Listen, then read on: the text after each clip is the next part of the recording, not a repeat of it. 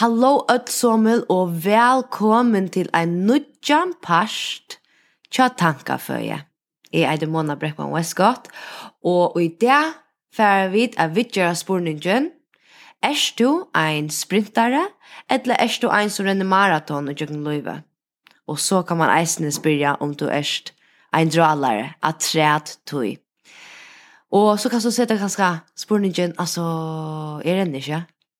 Nei, nei, jeg mener ikke det, jeg mener ikke om du renner, det er simpelthen bare et konsept som ein cool person som heter Gretchen Rubin er kommet vi, hon er uh, faktisk ein, ein uh, advokat som byrja i brottlige at lesa og studera om vänner og hva det er og gjør folk glede. Og hon kom vi altså konsepten hon, og faktisk sa jeg henne live i London, uh, fyrir jeg henne tjejen, tjejen, der vi er, Og så så jag huxar i värskat. jeg får sette til kontantsborningen om tid er det dralere, om tid er det sprintere, etla maratonrennarar ta det kommer til oppgaver og i løyvene.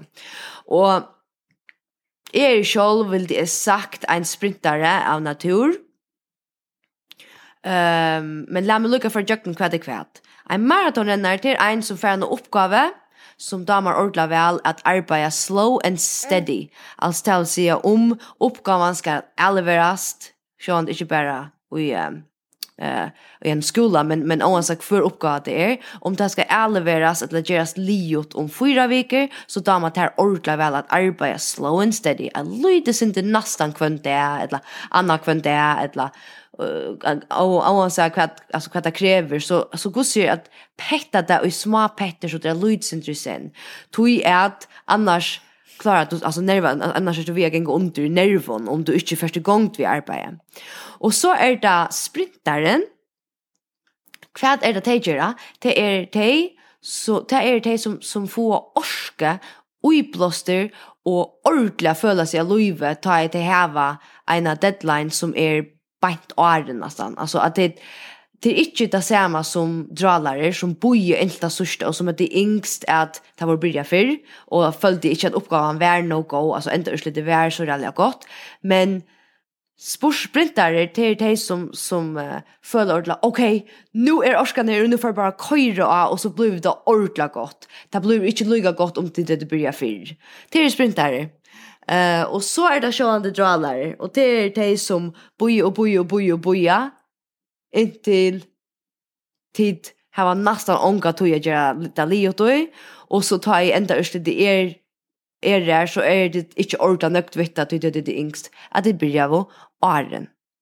Og jeg vet ikke hvordan jeg vil tikke om, men nå tar jeg grei fra at disse typene, så, så kjenner jeg ene av kvarjon. Som sagt så er jeg selv sprintere, men at det kommer til dømes til at her var en rekan av fyrtøkker selv, så innskjer jeg å være, jeg synes ikke mer en maratonrennare. Og faktisk må jeg det.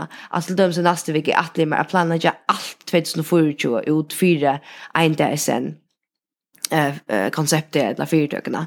Og, och selv om det er ordentlig ringt faktiskt att planlegger allt det, men jag hade det ganska best of both worlds, att doa ganska bäge att bäge planera och så sørger at det ut över allt men så att komma in och sprinta vi och blåstra in i mitten Eh, eh till lättare sagt än just alltså och det är inte bara vi uppgåvan det är det är alltså ett en mat man lever på inte bara vi alltså att arbeta arbeta men eisne husligt arbeta och eisne Alltså att döma, det är till dömes, jag kommer tankar om att det, om att ta så vet jag om det här det, tog jag att Och jag så hukte jag till benen till mig och hon sa bara Jesus Christ men jag har er blivit länk alltså. Men med mig när jag borste i fyra veckor långt och jag vill inte just kort nägra orsko i att räga bein. Alltså jag menar, inte tog jag att man pjövis till lika väl till veter vid det i färgen och er jo i bukson Atlantägen. altså, jeg viser ikke mine bein på nägra mata. Det är krita kvitt eisene, by the way. Men um, jag bara wow hade faktiskt jag vet inte jag vet inte när signas jag lät det inte så långt till att självt man är borste så då man mer väl att följa att jag välvärna som kommer vi att ha var raka beina. Och jag vet att det är imis till smak på haka som man tror man ska köra raka bein. Men är mer de ordla väl att ha var raka bein okej okay? och så hittar jag ett ämne jag har hooks bara wow. Och så samsas så också bara nå men mer än jag mer jag ska ju visa att det är fyra nökrona lika väl och ehm um, Ja, så jeg lette bare, og kanskje kunne de hita meg, jeg sinter nå, ta i vetren kommer, ja. Nå, men så fer jeg sång, og så drømmer jeg at jeg brottelig er i Arnars rundt, Jeg halte vi fyrtøkene, eller vi vinner ikke, jeg minnes ikke akkurat, men det var et eller annet vi, at det var nok så viktig fitt folk som en fein ville imponera.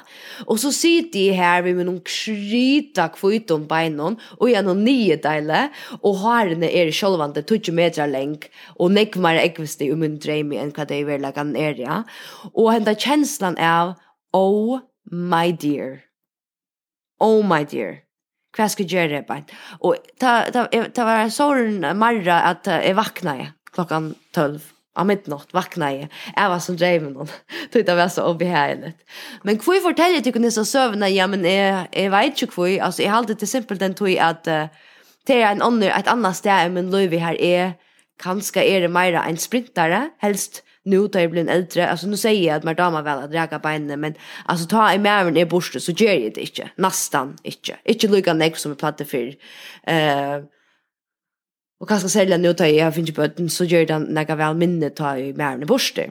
ehm så här på en del till dömes en sprintare, tog jag så tar så kött han kommer hem.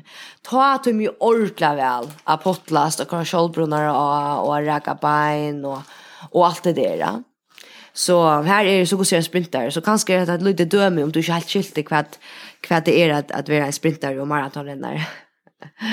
Jag är inte så det vara maratonrennare Jag Ekvon Ötjon. Ehm men det är det bara inte. Men så är jag så ordentligt glad för att det är en jag än Ekvon Ötjon.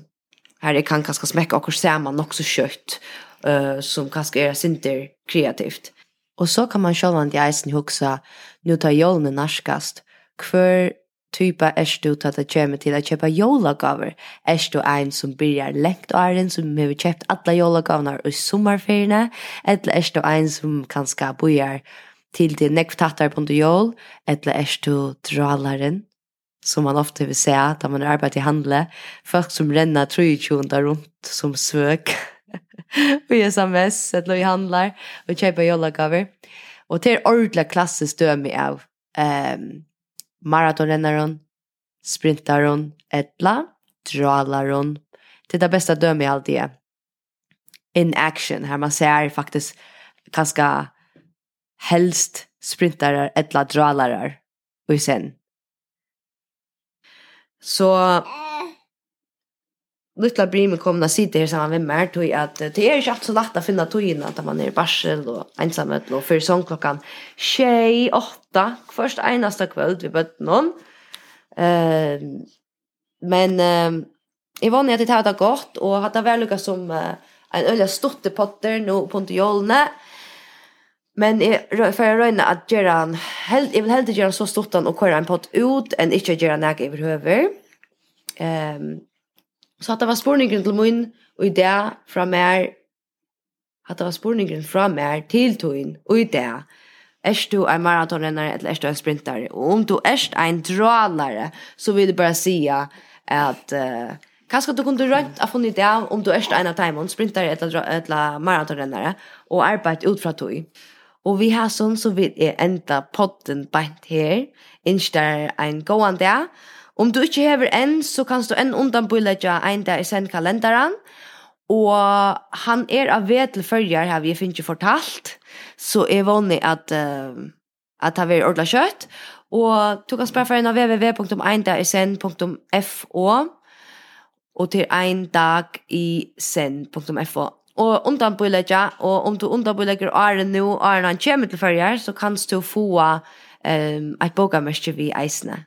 Nå, men takk for det lortet, og hav det godt. Bye, bye!